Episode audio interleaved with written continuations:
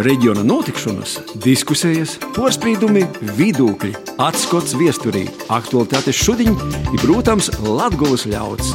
Ēterā Latvijas stunde! Vasali Latvijas radio pirmos programmas Latvijas apraidis raidījumā Latvijas stunda. Studijā Tenis Bikovskis kas šodien ir Latvijas uzņēmējdarbības eksporta potenciāls, izskaidrim pamatim tū turpmāk attīstīt, kā padarīt Latvijas reģionu pievilcīgāku investīcijām jaunu uzņēmumu piesaistai. Iz itādim jautājumiem septembrī Riezekņī dažādu nozaru eksperti meklē atbildes Latvijas reģiona eksporta fórumā. Eisoki kūduļīgāk par izrunotu fórumā ir par to, kas tad ir Latvijas eksporta prece šudiņa, i kas te varētu būt nokūtņā. Šoreiz raidījumā izvaicošu poresoru koordinācijas centra vadītoju Pēteri Vilku, Latvijas speciālos ekonomiskos zonas porvaldnieka vītņīku Vladislavu Stankeviču i akciju sabiedrības Latvijas valsts meži padomjas priekšsādātoju Edmundu Beļski bet raidījumu Latvijas stundas sokšu ar itos nedēļas notikumu apskatu Latgolā. Daugopilī četrus zemos greidas tramvajus līdz nākamo gada beigām pīgodos Daugopils lokomotīvu remonta rūpnīca, kas itādu izpēju guvusi īpirkumā. Līguma kopējā summa ir 7,4 miljoni eiro. Tramvaji tikšot ražoti Daugopilī, itis uzņēmumam ar vairāk nekā 155 gadu viesturi kļūšot par jaunu darbības virzīņi, kas savukārt radīšot jaunas darba vietas ījāmumus pilsētai i reģionam. Daugopils lokomotīvju remonta rūpnīcas valdes locekļa Natālija Petrova paude, ka uzņēmuma cehūs jau dreizumā sokšūtīs tramvaju ražošana. Arī pašlaik tī darbība noteikūt, nazaraugoties uz vairāku lelūs nuīte tirgu zaudēšanu Krīvijā un Ukrainā kā arī enerģētisko krīzi, kas uzņēmumam rezultēsies ar pori par 200 strādājošos atlaišanu. Plānots, ka Rēzekņī no 1. janvāra siltuma tarifs tikšot samazināts par ceturtdaļu liecina SIA Rēzikņas siltumtiekļa sabiedriskų pakalpojumu regulēšanas komisijai SPRK īsnīgtīs tarifa projekts – Šobrīd ir spēkā līdz 31. decembrim apstiprinotīs siltumenerģijas tarifs, kurīs ir 216,69 eiro par megawattstundi, bez pievienotos vērtības nodokļa, kuru no 1. janvara bija plānots nedaudz samazinot līdz 214,43 eiro par megawattstundi. Tā Rāzakņas siltumtiekļi ir īsnīguši SPRK jaunu tarifu projektu, kurā nu, nākamo gada plānoja noteikt divus samazinātus tarifa variantus ar IBS neparedzētom izmaksām. Ik gadu Daugopils skolos pakopeniski palielinot latviešu valodu apgūstamus priekšmetu skaitu, esot beiguši skolotoji, kuri varētu mocēt valsts valodā. Iz to uzmanību vārsusi Daugopils izglītības porvaldes vadītoja Marina Isupova. Pedagoģi novacojot, dodotīs pensijā, napītīka mūsu latviešu valodas zinošanu dēļ, darbu skolā pamata, bet jaunie vītā nanokūt. Iz ito mocību gada sokumu mēs bijām spīsti atlaist 18 pirmsskolas pedagogus, napītīka mūsu latviešu valodas zinošanu dēļ. Vēl 7% no visiem skolotājiem lielākoties pirmsskolas skolotāji atzīst, ka jūsu valodas lītojums ir napīteikams, atklāja Daugopils izglītības porvaldes vadītoja Marina Isupova. Bet oktobrī poligonā Meža Matskeviča augstdaugavas novada Vabūlis pogostā tiks organizēta zemesardzes trešos Latgulas brigādes karaveiru zemesargu apmocība, izmantojot gan šautuvis, gan poligona teritoriju. 8. un 9. oktobra inženieru rūta organizēs vispārēju inženieru apmācību zemesargiem no nu dažādiem bataljoniem. Vairāki karavēri un zemesargi apgūšot traktortehnikas operatoru apmācību. Zemesardzes trešos Latvijas brigādes inženieru rūtas zemesargi un profesionālā dienesta karavēri mocībos pilnveidos savas zināšanas, veicot mīņošanas, atmīņošanas, izspridzinošanas darbus piedalūtīs inženieru šķiešļu veidošanā ir darbojūtīs ar modernu militāru traktortehniku. Taits itos nedēļas Latgulas notikumu apskots eisumā. Latvijas radio ēterā ņūl Latgulas stunde. Nesen Riezikņā aizvedāts Latvijas reģiona eksporta fórums, kurumā runāts par Latvijas uzņēmumu eksportspējas efektivitātes formulu globālu satricinājumu un dinamiskas tehnoloģiju attīstības nosacījumus, kā arī diskutēts par Latvijas uzņēmējdarbības eksporta potenciālu un tū izskaidim pamatim tū turpmāk attīstīt. Nopietna tēma, kas ietekmē mūsu visus reģiona, kurā dzīvojam, izaugsmi, konkurētspēju, ekonomisko attīstību. Dēļ to šodien izraidījumu Latvijas stundā esam aicinoši ekspertus uzņēmēju porstovis, kuri arī dazdalies šitamā formā, lai saprastu, kā tad ir šobrīd, kādas izazēmējās perspektīvas nokūtņā. Tādot šos dienas Latvijas stundī Dazadola pārasoru koordinācijas centra vadītājs Pēteris Vilks sveicināti. Latvijas speciālos ekonomiskos ekonomiskos zonas porvaldnieka vītņīgs Vladislavs Stankevičs, sveicināti, un valsts akciju sabiedrības Latvijas valsts meži padomjas priekšsādātojas Edmunds Beļskis, sveicināti. Kungi, Kā šobrīd kopumā vērtējot Latvijas reģiona uzņēmējdarbības attīstību, secēsim pēdējos desmit gadu laikā? Varbūt Sankeviča kungam, Latvijas porcelānam. Nu jā, runājot par pēdējiem desmit gadiem, protams, jā, mēs atskatāmies uz krīzi, kas notika 2007. gadā un secīgi Latvijā. Es teiktu, varbūt, ka viņa pat līdz galam tā arī uh, nebeidzās. Jā, un, uh, nu, šobrīd, ja skatīties uz šodienu, tad principā tā situācija noteikti ir stipri labāka. Jo nu, tīri pat vizuāli runājot, toreiz ar uzņēmējiem bija jūtams, ka nu, arī tie, tie paši transporta ceļi uz Rīgu bija pilnībā bez smagām automašīnām. Tā krīze bija pietiekoši smaga. Šobrīd, protams, runā, ka mums tuvojas nākamā lielā diškebela ekonomiskā, jā, bet nu, iepriekšējās piecas diškebeles, ko prognozēja, nenotika. Tāpēc nav fakts, ka notiks arī jauna, un mēs ļoti ceram, ka, teiksim, protams, kaut kādā brīdī viņa notiks, bet nu, dotajā brīdī runājot ar mūsu eksportējušiem, tā skaitā arī SEZ uzņēmumiem, visiem, visiem ir pietiekoši daudz darba, pietiekoši daudz pasūtījumu. Protams, ir liela bēda šobrīd, kas var ietekmēt mūsu uzņēmēju konkurētspēju, ir energoresursu izmaksas, kas noteikti sadardzinās viņu radītu produktu pašizmaksu. No otras puses, te, nu, pirms teiksim, teikt, ka tas ļoti stipri ietekmēs tirgu, protams, vajag analizēt un skatīties, cik lielā mērogā mainīsies produktu pašizmaksas arī mūsu ražotāju konkurentiem.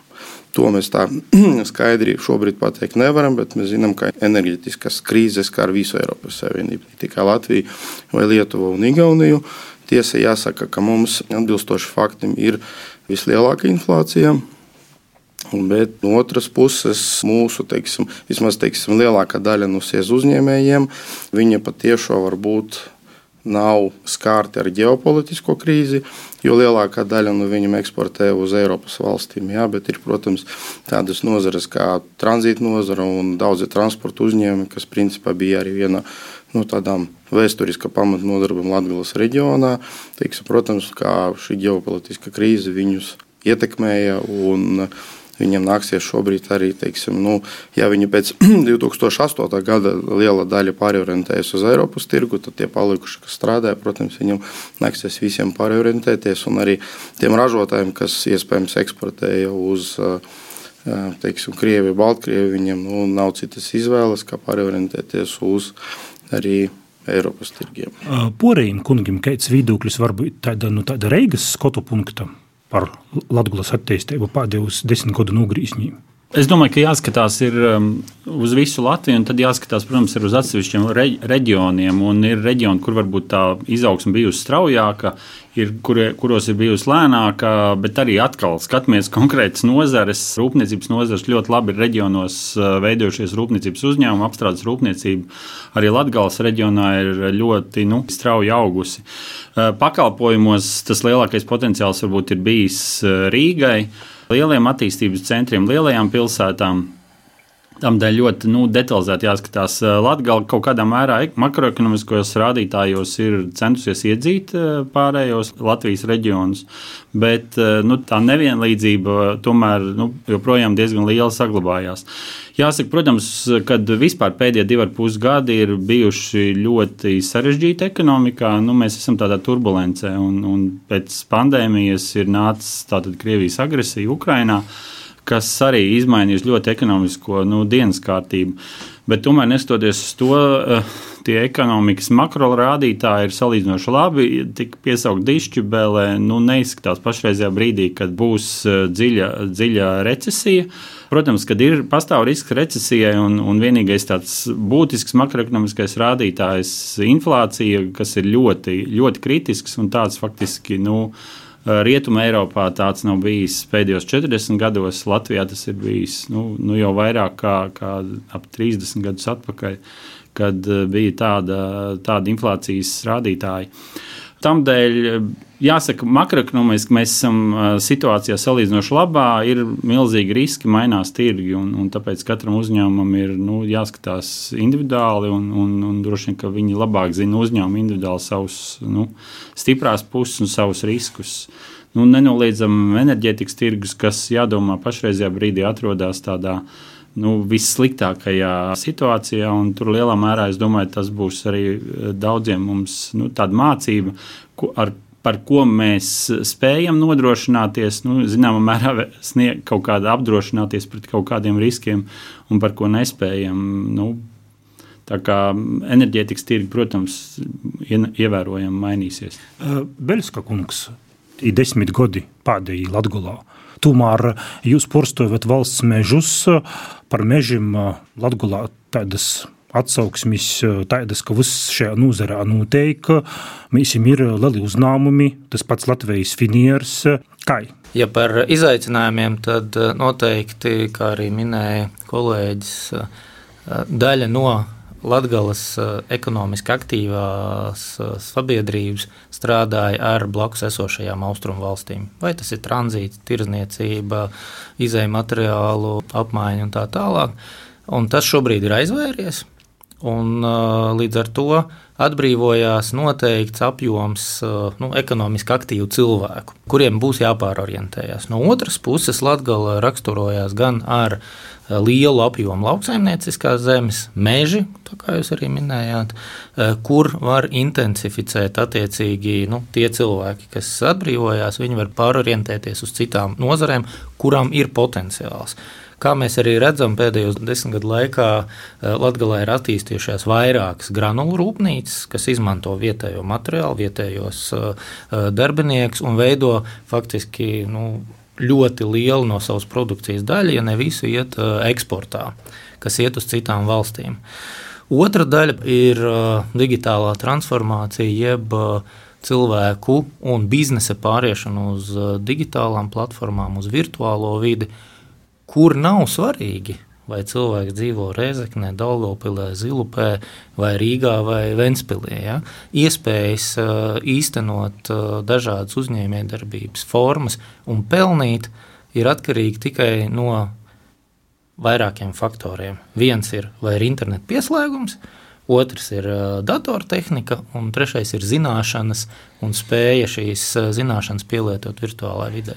Tāpēc šīs iespējas ir gan efektīvāk izmantot pieejamos resursus, un tas padara interesantu Latvijas reģionu investoriem, investoriem, kas ir gatavi investēt ražošanas attīstībā jo attiecīgi ir pieejami arī papildus ekonomiski aktīvie Eh, darbinieki.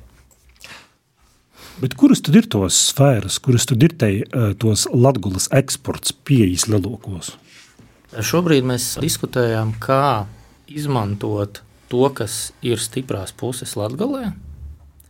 Cilvēks, dabas resursi, zināšanas un pieejamie tirgi. Un tas izaicinājums tiešām ir, kad uh, blakus esošie tirgi vairs nav. Un eksports, eh, vai mēs diskutēsim par eksportu uz Lietuvu, vai mēs diskutējam par eksportu uz Japānu. Eh, bet no koksnes mēs redzam, ka koksnes eksports ir primāri Lielbritānija, Skandināvija un Dienvidu Eiropa. Ja? Nu, to mēs arī saucam par eksportu, kas aiziet ārpus Latvijas. Latvijas priekšrocība ir intensificēt gan kokapstrādi, lauksaimniecību, turisms, nu, ir turisms, arī runājām konferencē par dažādām atbalsta programmām, kas tiks, būs pieejamas turisma nozarē, veidot turisma paketes, nevis tur vien atbalstīt vienu izmitināšanas vietu, bet jau tā, lai turists no Skandināvijas, Vācijas vai no Brazīlijas atbrauc, viņam ir vesels, interesants piedzīvojums attiecīgi Latgalē. Un tam pamatā ir arī jābūt zināšanām digitālajos jautājumos, jo uh, uzņēmējiem, lai arī ko viņš ražotu vai izdomātu Latvijā, Rīgā vai Kurzemē, jebkur, viņam ir jānonāk kaut kādā veidā līdz savam klientam ar informāciju, ar mārketingu. Tā, tā, un tās šobrīd ir digitālās tehnoloģijas. Ureikungi ir kopībiļus, Stankevičs kungs, Vilka kungs. Forumā arī bija pārstāvi no Komercbankām, un uh, Karējas Svetbankas pārstāvis arī minēja to, ka šobrīd uh, viņš teica tā, ka uh, šogad reģionus bankas finansē lielākā apmērā nekā pagājušajā gadā. Viņš saka, un prioritārie virzieni, tie uzņēmēji, kas teiksim, saņem lielāku vai kam vairāk uzticās bankas, ir lauksaimnieki un kokapstrāde. No otras puses, mēs arī redzam teiksim, to valsts pozīciju uz nākamo periodu, kur uh, valsts varbūt vairāk gribētu ieguldīt un attīstīt augstu pievienotas vērtības uzņēmumus, farmācijas uzņēmumus, elektronikas uzņēmumus. Bet, nu, kas arī uh, principā runājot par Latvijas speciālo ekonomisko zonu, Daugopilī sāk veidoties elektronikas ražotāju klasteris kur šobrīd ir aptuveni 5-6 uzņēmumi, bet mēs zinām, ka nāks vēl klāt. Tad, attiecīgi, šis ir priekšlatgales uh, jauns virziens. Livāna, kā zināms, mums ir stikla šķiedras. Divi lieli uzņēmumi, kas arī ir augsti pievienotas tehnoloģijas uzņēmumi. Tad, manā skatījumā, mums vajadzētu ar visiem spēkiem pēc būtības atbalstīt gan klasiskās latgales nozares, kokapstrāde, metāla apstrāde, šūšana, gan arī skatīties uz priekšu un atbalstīt arī jaunos virzienus, tā skaita elektronikas ražošana, stikla šķiedras, varbūt kaut kāds uzņēmums, teiksim, teoretiski varētu izveidoties, vai nu arī vēl, teiksim, kā piemēru var minēt arī Daugopili ienāca 2000, es nekļūdos, 20. gadā uzņēmums WebHelp, kas ir milzīgs Zviedru koncerns, kurš nodarbina pasauli vairāk nekā 60 tūkstoši cilvēku, kas nodarbojas ar sociālo tīkla kontentu administrāciju. Šobrīd viņi Daugopilī nodarbina jau 300 cilvēkus un ir plāni viņiem dubultoties. Tad, tad attiecīgi mums, manā skatījumā, jābūt gataviem atbalstīt gan esošās klasiskās, gan arī mēģināt būt atvērtiem un skatīties, ko vēl jaunu mēs varam no, teiksim, no, tam, no, no, no jaunas pasaules vai no jauna biznesa paņemt klāt savu latgali. Lielākā daļa no latgales saražotiem produkt, produkcijas ir pietiekoši kvalitatīva Es domāju, ka tā, nu, es neteiktu, ļoti lēta arī tā izskaitā. Nu, viens gals ar elektroniku, pieņemsim, pulsāru optikas vai Light Guided Optics International Līvānos, kas ir principā pasaulē numurs 3, pulsāru optikas pasaulē numurs 1, 2, respektīvi viņi ir dārga gala produkti. Mums tādu produktu pietiekoši daudz, gan Daugopilī, gan Rēzeknē, bet arī runājot varbūt par par to nozari, ko mēs visu laiku mēģinām aizmirst, tas ir šūšanas nozare. Šeit arī jāsaka tā, ka šīs nozares pasūtīti pamatā Latvija ir no, Skandi no Skandināvijas. Un kāpēc Skandināvija pērk tieši Latvijā? Pirmkārt, tas ir dēļ kvalitātes. Otrām kārtām mēs arī saprotam, ka lielākā kokvilnas ražošana ir Ķīnā un Indijā. Bet viņiem ir no vienas puses sliktāka kvalitāte, otrs mīnus ir ļoti garas piegādes. Tas konteinerim iespējams var aizņemt kaut kur trīs mēnešus. Trešais jautājums ir kvalitātes un garantija jautājums. Ja Latvijas ražotājs iespējams saražo kaut ko preci nepietiekoši kvalitatīvu, viņu nedēļas laikā var eh, piegādāt ar, ar mašīnu atpakaļ uz Latviju. Bet, ja Ķīnas ražotājs saražo viņas trešdaļu no Norvēģijas pasūtītāja apjoma, kuram gadā vajag 340 pēdu konteinerus, ko tad viņš darīs? Respektīvi, mums ir sava niša, mums ir savi klienti, un tas ir eh, mūsu plus ir atoms kvalitāte, nu, protams, cena, bet, bet, bet nu, kvalitāte tiešām, ja ir produkts kvalitatīvs, viņš maksā naudu. Un... Izstāstiet varbūt tiem klausītājiem, kuri nezina. Kādi ir atbalsta instrumenti, kas šobrīd strādāja, piemēram, eksporta spējas attīstīšanai un vispār kādiem instrumentiem varbūt arī nokūtņā, jābūt Latgulas reģionā, jāmūt vērā šo faktu, ko arī Beļska kungs pīmiņā, ka eksports uz kaimiņu valstīm nu, šobrīd ģeopolitiskajos apstākļos ir tāds, kāds ir faktiski, jo laikam vairāk nav. Un, kā, kā, kā, kā izvērās uz priekšu? Nu, nu, Pirmkārt, ko es gribēju pateikt, ka Igaunija un Lietuva ir mūsu viena no lielākajiem gan eksporta, gan importa partneriem. Nu, tas tā runājot par kaimiņu valstīm, jā, bet nu, runājot par atbalsta instrumentiem, nu, mēs no savas puses, no Latvijas speciālas ekonomiskās zonas, aicinātu esošos uzņēmējus, kuri plāno attīstīt ražošanas vai arī pakalpojumu sniegšanas vietas, jo arī tādiem uzņēmumiem, kuru lielākā izmaksa daļa ir algas, viņiem arī pienākās valsts atbalsts. Griezties pie jums, informācija par mums ir mūsu mājaslapā www.lpr.gov.lv sadaļa Latvijas speciāla ekonomiskā zona un apmaiņā pret investīcijām vai iekārtās tehnikā vai arī jaunajās darba vietās mēs esam pilnvaroti uzņēmējiem garantēt valsts nodokļu atlaides, uzņēmuma ienākuma nodokļi, dividendžu izmaksas brīdī un arī nekustamā īpašuma nodoklī. Un mēs arī ceram, ka mēs, teiksim, tā, nu, Latvijas realitāte ir tā, ka atkal mēs esam gan Covid, gan arī ģeopolitiskas situācijas skārti. Un, jā, iespējams, ka mums arī vajadzētu domāt par to, lai paplašinātu kaut kādu nodokļu atlaižu klāstu arī Latvijas speciālajai zonai. Kungi, ir dzirdēts tas fakts, un tas zināms fakts, ne tikai dzirdēts, ka tomēr, piemēram, mūsu tas ir mīsim toļi no. Nu, nu, Latgulas. Graudus aizvest uz to ūstu ir tomēr zemniekam dārgāk nekā ja zemgaļas zemniekam aizvest uz ūstu. Jā, nu, cik man zināms, tad eh, jaunajā plānošanas periodā lauka attīstības programmā ir paredzēts eh, speciāli nu, instrumenti, kas eh, šo, šo starpību nedaudz, nedaudz mazina. Pat, par to notiek diskusijas ar zemkopības ministriju.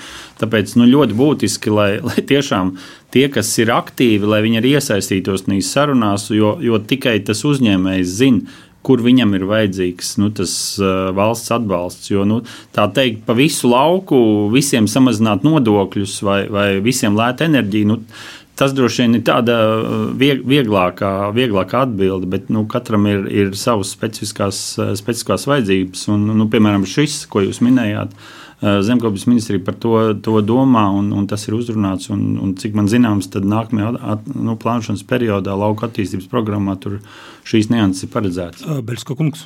Jā, droši vien eh, ņemot vērā šo ģeopolitisko situāciju, mēs redzam, ka tranzīta jomā Latvijas dzelzceļam arī ir tikpat liela izaicinājuma, pārējiem, kas ir balstījušies uz tranzītu savu uzņēmēju darbību. Un šobrīd ļoti aktīvi tiek runāts par vietējo dzelzceļa pārvadājumu intensificēšanu. Ja agrāk, kad nāca kravas no Baltkrievijas, Krievijas dzelzceļām, nu, tiksim, ekonomiski bija mazāk interese skatīties uz vietējiem pārvadājumiem, tad šobrīd mums ir bijuši vairāki raundi vismaz Latvijas valsts mežiem ar Latvijas dzelzceļu par koksnes iespējamo pārvadājumu, pa dzelzceļu bet šajā sakarā, ņemot vērā to, ka mēs esam arī mainījuši koksnes pārdošanas pamatprincips un maksimāli cenšamies koksni pārdot un izsolīt tajā reģionā, kur viņi tiek iegūti, lai samazinātu šos izdevumus pārvadāšanai, tad dzelzceļa pārvadājumi šobrīd nav interesanti koksnes meža saimniecībām, jo Mēs vismaz Latvijas valsts meža neeksportē vairāk koksni kā apaļu koku, jo viss paliek vietējiem pārstrādātājiem, vai nu uh, uh, kokzāģētavām, vai enerģētiskai koksnei. Tiek viss,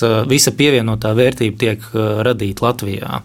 Bet, kas attiecās uz tiem, tie, tie, tām ražošanas nozarēm, kur šis attālums no ostas līdz iekraušanai ir vairāk par 70, 100 km, tur ekonomika jau sāk veidoties un dzelzceļš pie tā strādā. Iespējams, tas ir vēl viens jautājums, kā samazināt, būtiski samazināt šīs transportēšanas izmaksas un padarīt uh, vietējo ražotāju uh, ekonomiski. Otra lieta, ko mm, Latvijas valsts meži jau vairākus gadus ir skatījies eh, par eh, attīstīta ražošana, kas nav Latvijā šobrīd īstenota, ir šī mazvērtīgā sortimenta, jeb zāru un sašķeldojamo materiālu, kuri agrāk. Pirms tam par to kā mozog dūmo, tā pīno citai energo krīze, un es pats braucūt arī pa Latgolu rādu. Jā. Katram mežiņam. Jā, jā, jā.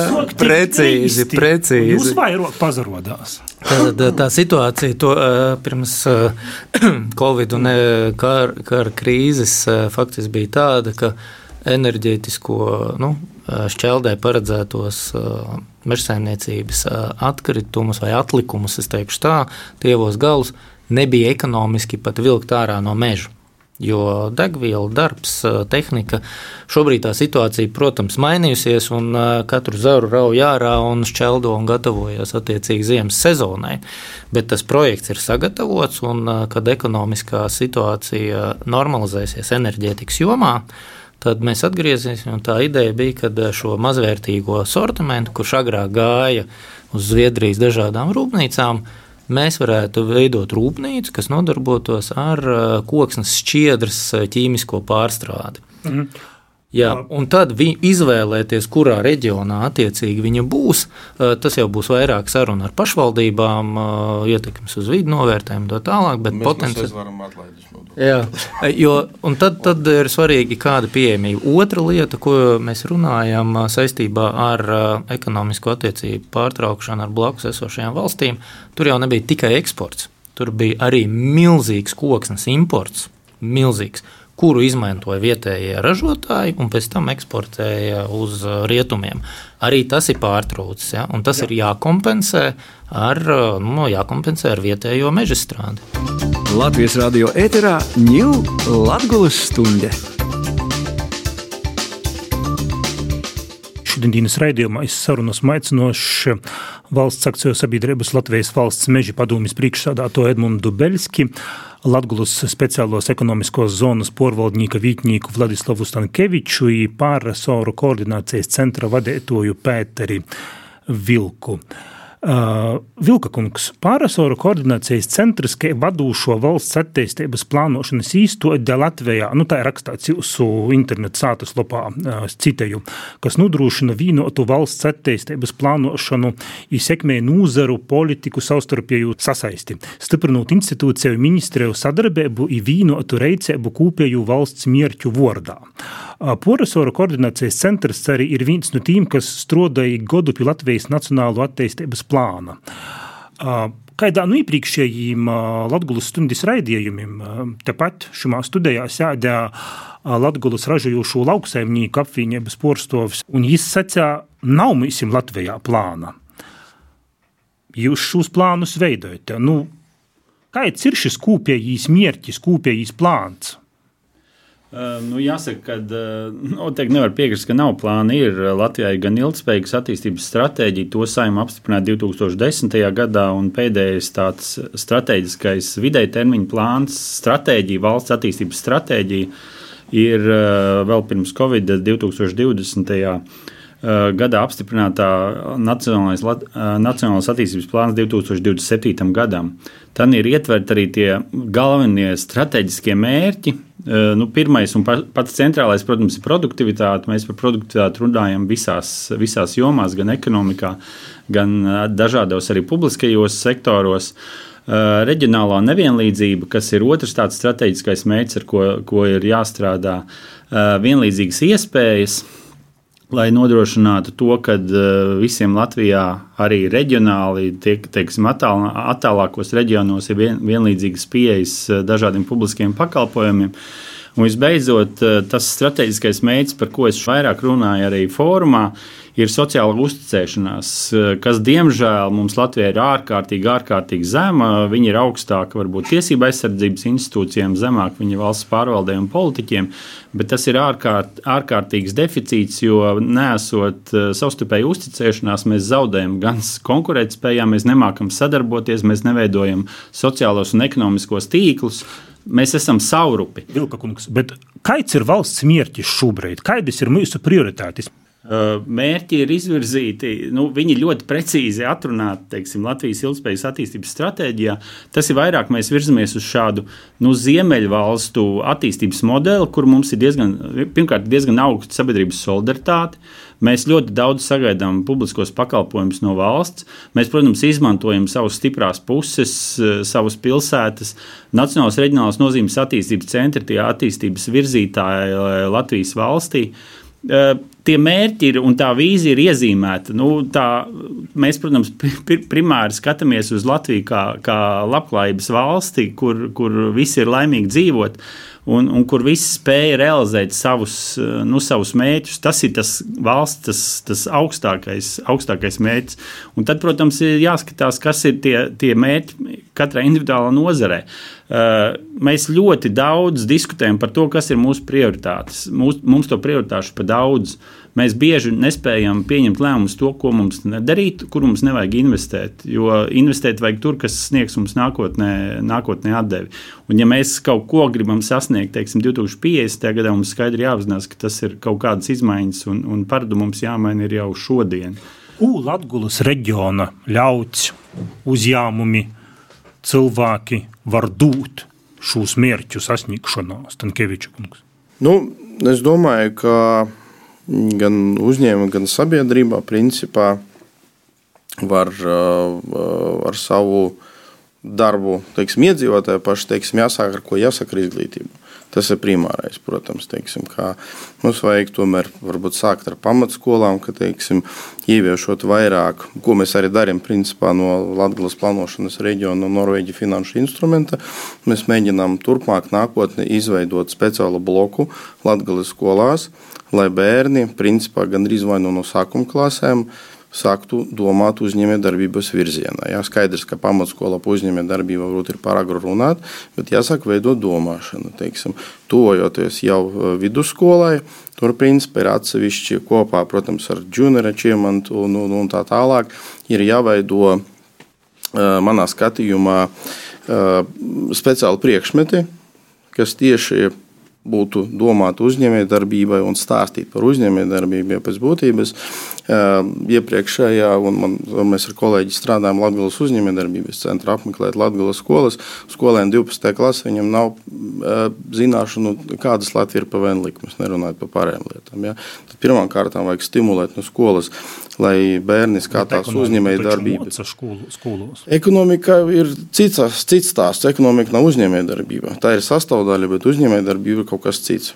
Respektīvi, tas ir pirmais, ar ko ir jāsāk. Protams, tālāk, ja mums ir pamats izdarīts pamatskolās, attiecīgi mums vajadzētu stiprināt vidusskolas. Stiprinot vidusskolu, ne vidusskolas, bet universitātes, es atvainojos, jāstiprina universitātes, lai viņi radītu atkal studentes ar augstāku varbūt izglītības līmeni, teiksim, vairāk sagatavotas darba tirgu. Beļska kungs varbūt ir ko pībeļus otri. Jā, kas ir svarīgi? Svarīgi, kad uh, viss, ko mēs darām, ir ar uh, lielāku pievienotu vērtību. Kā es to domāju? Ja mēs paņemam to pašu meža saimniecību, tad ir zinātniski pierādīts, ja mežu mērķiecīgi audzē, stāda, selekcionētu stādu, tad pēc attiecīgā perioda, kad attiecīgā koka šķirne ir sasniegusi certamo vecumu vai caurmēru, viņi ir vismaz pa 30% vairāk. Tas nozīmē, ja attiecīgi mēs to darām mērķiecīgi, mēs kļūstam par 30% bagātāki. Valsts pirmkārt dabū koksni, ražotāji var saražot uh, krēslus, galdus, dēļus, uh, Un padziļinātāks pārstrādes produkts, par ko mēs te runājam, ko var pārdot daudz, daudz dārgāk. Ja? Nav runa, ka mēs to pašu dēļ pārdosim vienkārši dārgāk, tāpēc ka cenu uzskrosim, bet mēs ieviesīsim šīs inovācijas, un tas produkts, kas būs, viņš būs interesants citiem. Un es pabeigšu. Līdz ar to tā ir viena lieta, ka Latvijā ir gandrīz no nu, 40% pēc dažādiem aprēķiniem meža teritorijas, kuras ir intensīvāk jāapsaimnieko un jādabū vairāk ārā no tās naudas. Tas ir viens. Daudzas meža teritorijas jau Latvijā pordutas Skandināvim. Jā, bet uh, tie ir tādi paši uzņēmēji. Ja? Mēs jau nedalām pēc nacionālitātēm uzņēmējus. Viņi ražo šeit, attiecīgi ir brīvais tirgus, vismaz Eiropas Savienībā. Bet kas ir svarīgi? Kad jebkurš, kas no apsaimnieko šo zemi, viņš dabū pēc iespējas lielāku pievienoto vērtību. Tas ir viens. Otra lieta, kas ir svarīga mūsu nozarē, ir, mēs redzam, zaļais kurs iet pa Eiropu, šīs iniciatīvas. Notiek eh, dažādu būvmateriālu aizvietošana. Cements, metāls, ir īpaši ņemot vērā, ka viņš vairs eh, no austrumiem tik daudz nenāk, eh, vai vispār nenāk, tad koku materiāls ir izcils būvniecības materiāls. Mēs redzam, ka Skandināvijā ir projekti un valdība atbalsta pat desmit stāvu māju būvniecību tikai no mhm. koka. Tas ir mūsu potenciāls. Koka mums ir daudz, nocirst mēs varam. Mums jāizmal, jā, jāiemācās viņu izaudzēt vairāk, laicīgi nocirst, tad, kad viņš vislabākajā kvalitātē un saražot uh, produktu. Jūs dazaļājat tam Latvijas reģiona eksporta fórumā. Bet šobrīd kas Latvijā ir tos jūmus, kurus būtu izceļamis šo eksporta, ja varbūt arī kopumā uzņēmējdarbības jūmā izporējo Latvijas fona? Ko Latvijā ražoja Dora Taidu, kas varbūt nav citur. Jo, piemēram, mēs zinām, ka agrāk viesturiski Latvija bija lini, māls, tas bija standarts. Šobrīd linu drēbis mēs jau nāk no Ķīnas. Nu, Pūģņīgi vēl ir, bet arī nav kas šo tradicionālo kultūru pormontoja jaunos pūģņīku ir mūsu, bet nu tos, nu to, nu to eksporta, kas ir tas, ko, kas varbūt nav citur, bet ir Latgola unikāli? Nu, droši vien, ka jāsāk ar mazāku pašvaldību, ar Livāniem. Nedaudz atkārtošais. Šeit optisko šķīdra, jā, labi, kas vēl. Ražotāji, nu tas nav maz, viņi ir pasaules vadošie uzņēmumi, kas ir ražots Latgalē. Atkal atkārtošos pulsāli ir optikas Daugopilī, kas pēc būtības termokameru un citas produkcijas ražotājs gan arī numur viens. Jā. Jā labi Exxon Cable, kas ir ļoti augstas pievienotas vērtības, augsta gala kabeļu savienojuma un tā tālāk ražoties, kas atrodas Daugopilī. Jā, tātad jau agrāk bijušai Latgulas uh, īspējamu eksporta prece Lints vai Mols, tagad šos ir modernos tehnoloģijas. Nu, protams, jā, tur ir augstāka pievienota vērtība. Bet ar, arī tajā brīdī, ja šis latgāles amatnieks spēj savu produktu pārdot kaut kur Brazīlijā, Amerikā, Austrālijā aizsūtīt un, un eh, labi viņu komercializēt un saņemt par to labu, labu atlīdzību, tas ir arī tikai atbalstāms un veicināms. Nu, cits jautājums, vai tā ir bāzes, eh, bāzes eksporta prece, droši vien šodien tā nav. Nu, paskatāmies uz Skandināvijas uh, dizaina mēbelēm.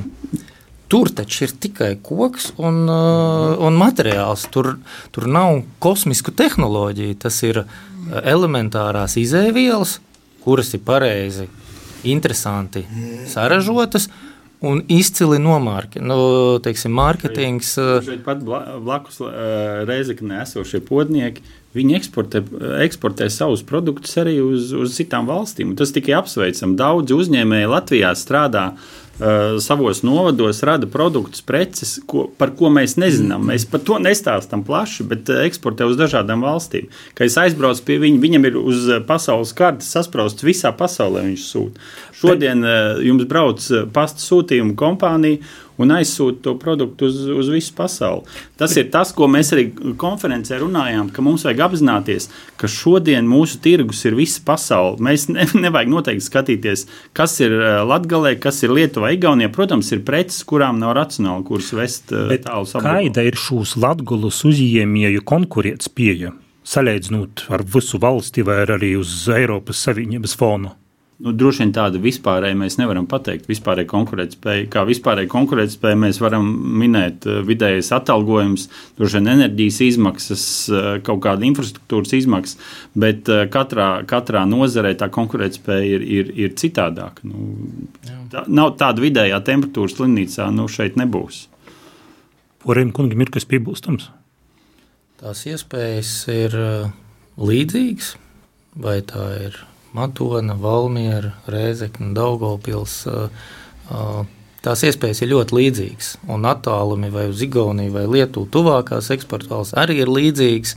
Tas, kas ir, tā ir darba spēka pieejamība un attiecīgo kvalifikāciju uh, esamību konkrētajos reģionos. Kā jau arī sākumā minēju, šobrīd ar tranzītu nozares apsīkumu tas potenciāls šeit ir. Kāpēc uh, Latvijas finieris te atnāca? Tieši tāpēc, ka te ir izējumateriāli Un šeit ir arī darbinieki.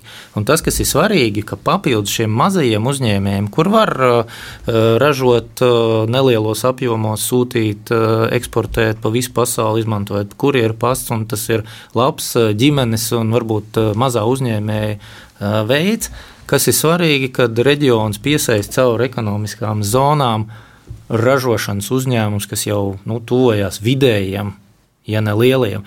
Un tas to, to vilkli dod, ja, jo tur ir cits apgrozījums. Kungi, bet piemēram, šī sadarbība arī ar pašvaldībām, ja ir, to mēs visi zinām, bet cik liela ietekme ir piemēram eksports pieejas uzņēmējdarbības attīstībā ar pašvaldībām?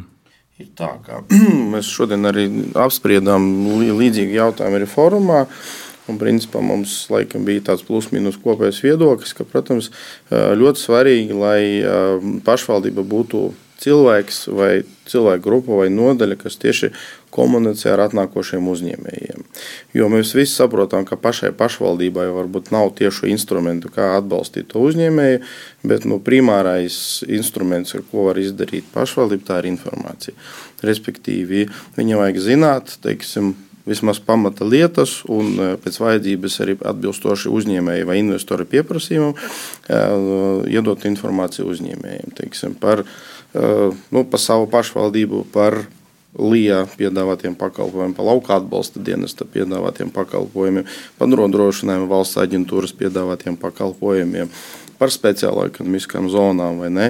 Teiksim, un attiecīgi pēc pieprasījuma, vai cilvēks meklē pieņemsim, papildus iespējas eksportēt, vai viņu interesē papildus finansējums, attiecīgi iedot pareizo kontaktu. Jo, Stankevičs, bet šobrīd šajos Latvijas pašvaldībos daudzos ir uzcelti šie angāri, kur var ītīkšā uzņēmies. Ir, piemēram, ilūkstis pašvaldībā vasaļa liela teritorija nosfaltāta, kur ir zeme, kur ir komunikācijas, elektrība pīvilkts, ceļš sataisāts. Ilūkstā, piemēram, teritorija tukšas to Ar ko tas nu, viss ir saistīts? Ir jautājums, vai pašvaldība pirms tam, pirms viņa to ir darījusi, ir tiešām pajautājusi, vai tas ir tas, kas eh, novada uzņēmējiem ir vajadzīgs. Vai viņiem vajag šo teritoriju, vai viņiem vajag šo asfaltēto laukumu. Tāpēc ir svarīgi izzināt, kādas ir uzņēmēju vajadzības, kas, kas tam uzņēmējiem vajadzības. Jo, ja ir, tie ir ierēģi, kas ir izdomājuši, ka mums vajag asfaltēt laukumu vai industriālo parku, uh, Nu, es domāju, ka ar to būs eh, stipri par maz, un tur šīs eh, kopīgās intereses nu, nekādā mērā ne, nesatiks. Stankevičs, jūs varbūt šo ilūkstis gadījumu sēkok zinot, nu stāv tur tukšs šobrīd? Nu, šobrīd, jā, šobrīd stāv tukšs, tur ir no, noslēgts līgums ar vienu no investoriem, kas grāsās celt rūpnīcu. Jā, teiks, viņš šobrīd vēl spēkā esošs līgums. No otras puses, mēs varam paskatīties polijas piemēru kur strādā dažādos virzienos. Līdzvērtīgi Latvijas sēs, viņi ir variants uzņēmējiem atnākt un paņemt jebkurā vietā, reģionā telpas, kas viņam patīk. No otras puses ir uzņēmēji, kuriem vajadzīga pilnīgi gatava infrastruktūra, un ar trešo uzņēmumu, kas ir Polijas vans arī Kaunas sēžā, iespēja, ka viņi atnāk un stāv zemes placis ar pieslēgumiem. Jo mēs nezinām, kāds investors atnāks ar, un ar kādām vajadzībām. Tāpēc ielūks tas uh, variants, viņš nav sliktākais variants. Un tas ir labi, ka viņš ir, jo mēs nezinām, kādi investori mums atnāks pēc pusgada, pēc gada, iespējams, atnāks. Pateiks, man vajag to no asfaltētu policiju. Otrs atnāks, pateiks, vai jums ir kaut kāda gatava eka, kur es varu ienākt. Ja? Un vēsturiski man varam, mēs varam redzēt, ka Latvijas reģiona nav A klases ražojošu ēku. Teiksim. Tikai tās, kuras ir uzceltas no pašvaldību līdzekļiem vai ne, teiksim, fondiem.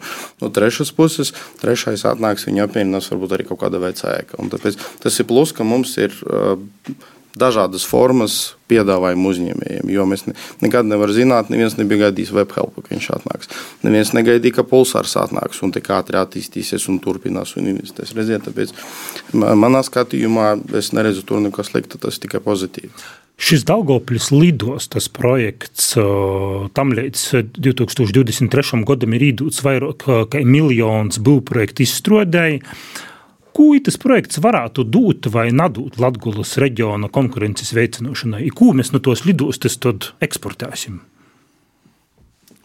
grūti pateikt, droši vien, ka viss ir atkarīgs no tā, uzņē, ka kādi uzņēmēji uz turieni atnāks. Nu, kūku materiālus vesim, Beļskakungs. Nē, nu, pilnīgi noteikti. Nē, un, un, ja godīgi, tā bija. nu, nā, bet tā, tā brīdī, tanī brīdī kad izstrādāja Nacionālo attīstības plānu, tas bija viens no projektiem, kurš, nu, faktiski pēc kritērijiem uh, tā, tā kā tika nu, vērtēti dažādi projekti, publiskām investīcijām vajadzības, viņš pēc kritērijiem nekvalificējās. Viņš lielā mērā ir nu, politiski, politiski atbalstīts.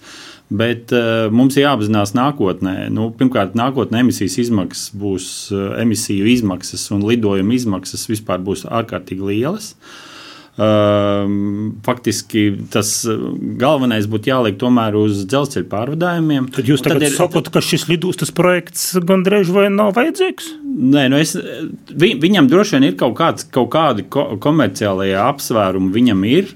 Ehm, mēs viņus neredzējām, šos komerciālos apsvērumus, jo vienmēr ir izvēles, kur ieguldīt. Nu, tad ir jautājums, piemēram, vai ieguldīt vairākus desmitus miljonu Latvijas eh, Daugopils lidostā, uh, vai ieguldīt varbūt labākā, ātrākā savienojumā, dzelzceļa savienojumā ar Rīgu. Ziniet, ja tīri prognoze, tīri runā tehniski, Latvijā ir pietiekoši daudz ražojušu uzņēmumu, kas izmanto avio pārvadājumus. Tas ir tie paši minētie elektronikas ražotāji, kas ir preci, kas tiek pārvestas ar avio transportu. Ziedi, elektronika, dārgmetāli, farmācija, tādas lietas. Un no tām, principā, Latvija ir pietiekoši daudz saražotas elektronikas, un tie paši eksportējušie uzņēmumi ļoti daudz izmanto avio pakalpojumus Rīgā un Viļņā. Protams, tas nav attiecināms uz to, varbūt uz Daugopēs lidos, bet ir tas, ka Latvija ir daudz preču, kuras tā skaitā ir eksportēti un pārvadāti ar avio transportu. Cits vai jautājums, Jā. vai tā ir absolūtā, nu, absolūtā pirmā nepieciešamība, Jā. pirmā prioritāte uzņēmējiem, Un droši vien tas būs arī svarīgi, vai tā būs starptautiska lidosta vai vietējo pārvadājumu lidosta, kas uh, veido savienojumu starp uh, Latvijas pilsētām. Un tur ekonomiskais pamatojums būs uh, primārais. Vienmēr ir izvēles ieguldījumiem, un es jau minēju, tad brīdī, kad ir jāizvēlās, kur ieguldīt, ja mēs skatāmies uz, uz savienojumiem, uz mobilitāti, tad tur droši vien ir alternatīva dzelzceļš, ko mēs esam pateikuši. Valsts ir pateikusi, dzelzceļš, dzelzceļš tas būs mūsu mobilitātes mugurkauls nākamajos 10, 20, 50 gados. Un tāpēc, ja mēs pasakām, ka dzelzceļš ir prioritāte, nu, nedomājam, ka mēs tagad uh, mēģinām Latvijā sazīmēt, kur vēl varētu uzbūvēt lidostas. Ejot uz šo sarunas noslēgumu, um, šobrīd Latvija izvērās tāda pievilcīga vieta biznesa attīstībai. No nu, Latvijas viedokļa, jā, mums šogad ir pieņemsim, noslēgt vienu uzņēmumu, neminēšu nosaukumu, bet nu, divi līgumi par kopsumu nedaudz zem 5 miljoniem. Un mēs zinām, ka līdz gada beigām mēs arī noslēgsim diezgan jaudīgus vēl līgumus klāt. Cik varētu būt darba vietas jaunas Latvijā? Uh, šobrīd, kas ir apsolīts līdz 2025. gadam, ir 452. Paldies, kungi, ka atrodat laiku. Šodien apmeklējāt Latvijas radio Latvijas studiju.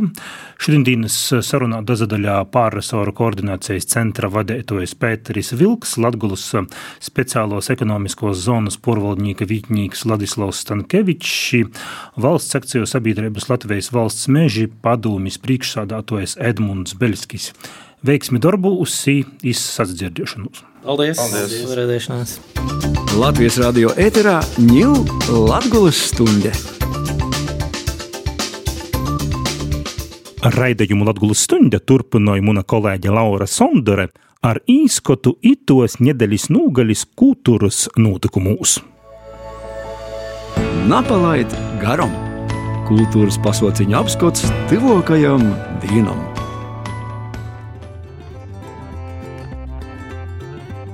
Vasarī Latvijas stundas klausētoji, kā katru nedēļu arī itamā nedēļas galā aicinoši jūs uz labākajiem un brangākajiem kultūras notikumiem mūsu pusī.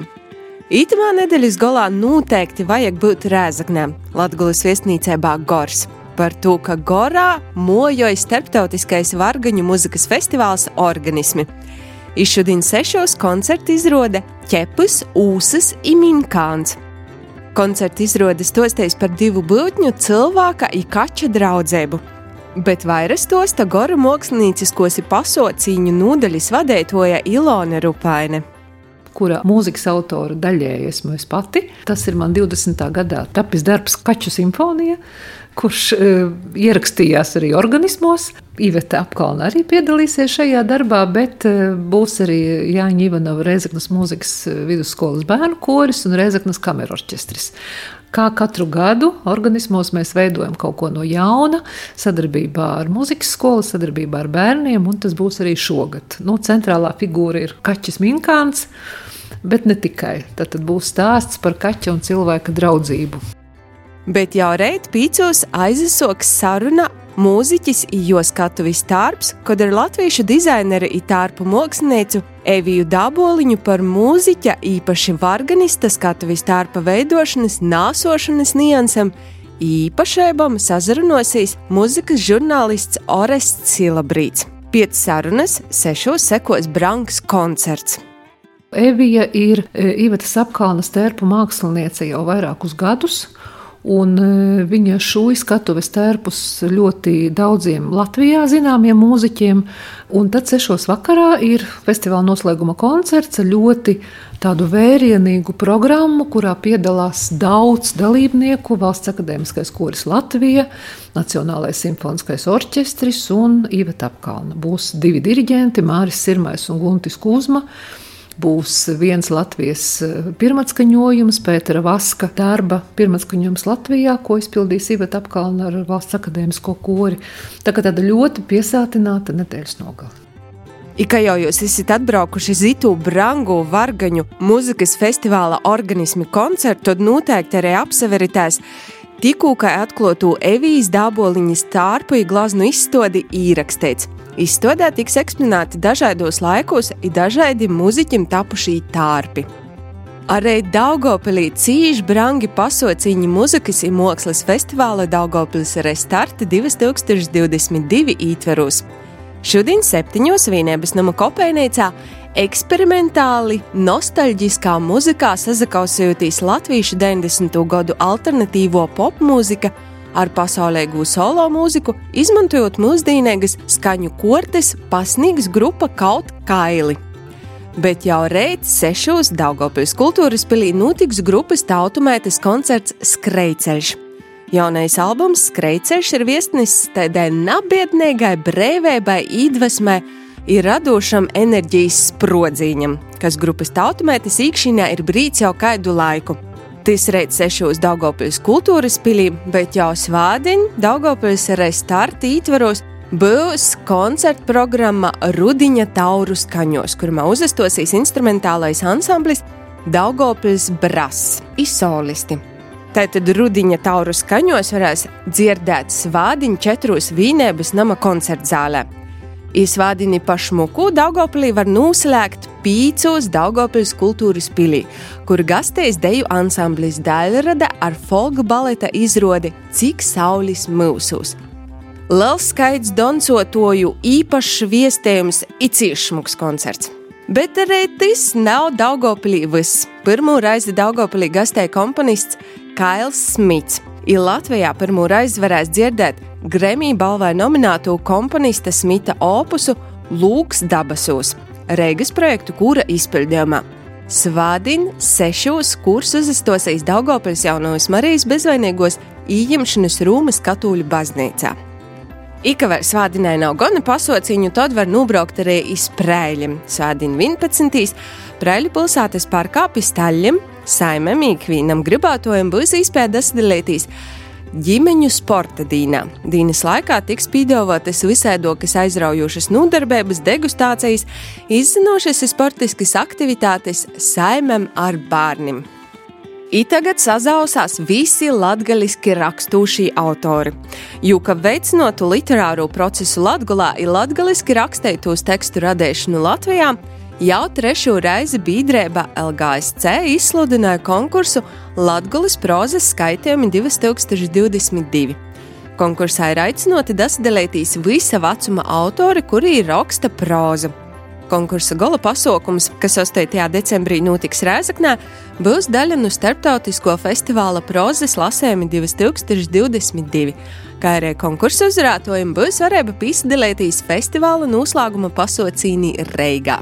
I piedalīties konkursā Latvijas prozas skaitēmi var iznīdzot darbus, esejas, stostas, romānu fragmentus līdz ito gada 4. novembrim, sūtot uz biedrībai LGSC. Taidi lūk, brangi kultūras pasākumi itamā nedēļas galā, tiek atliek viņi izvēlēties sev tū tivoku, imēloku, ilajosim šmukas itos brīvdīnes.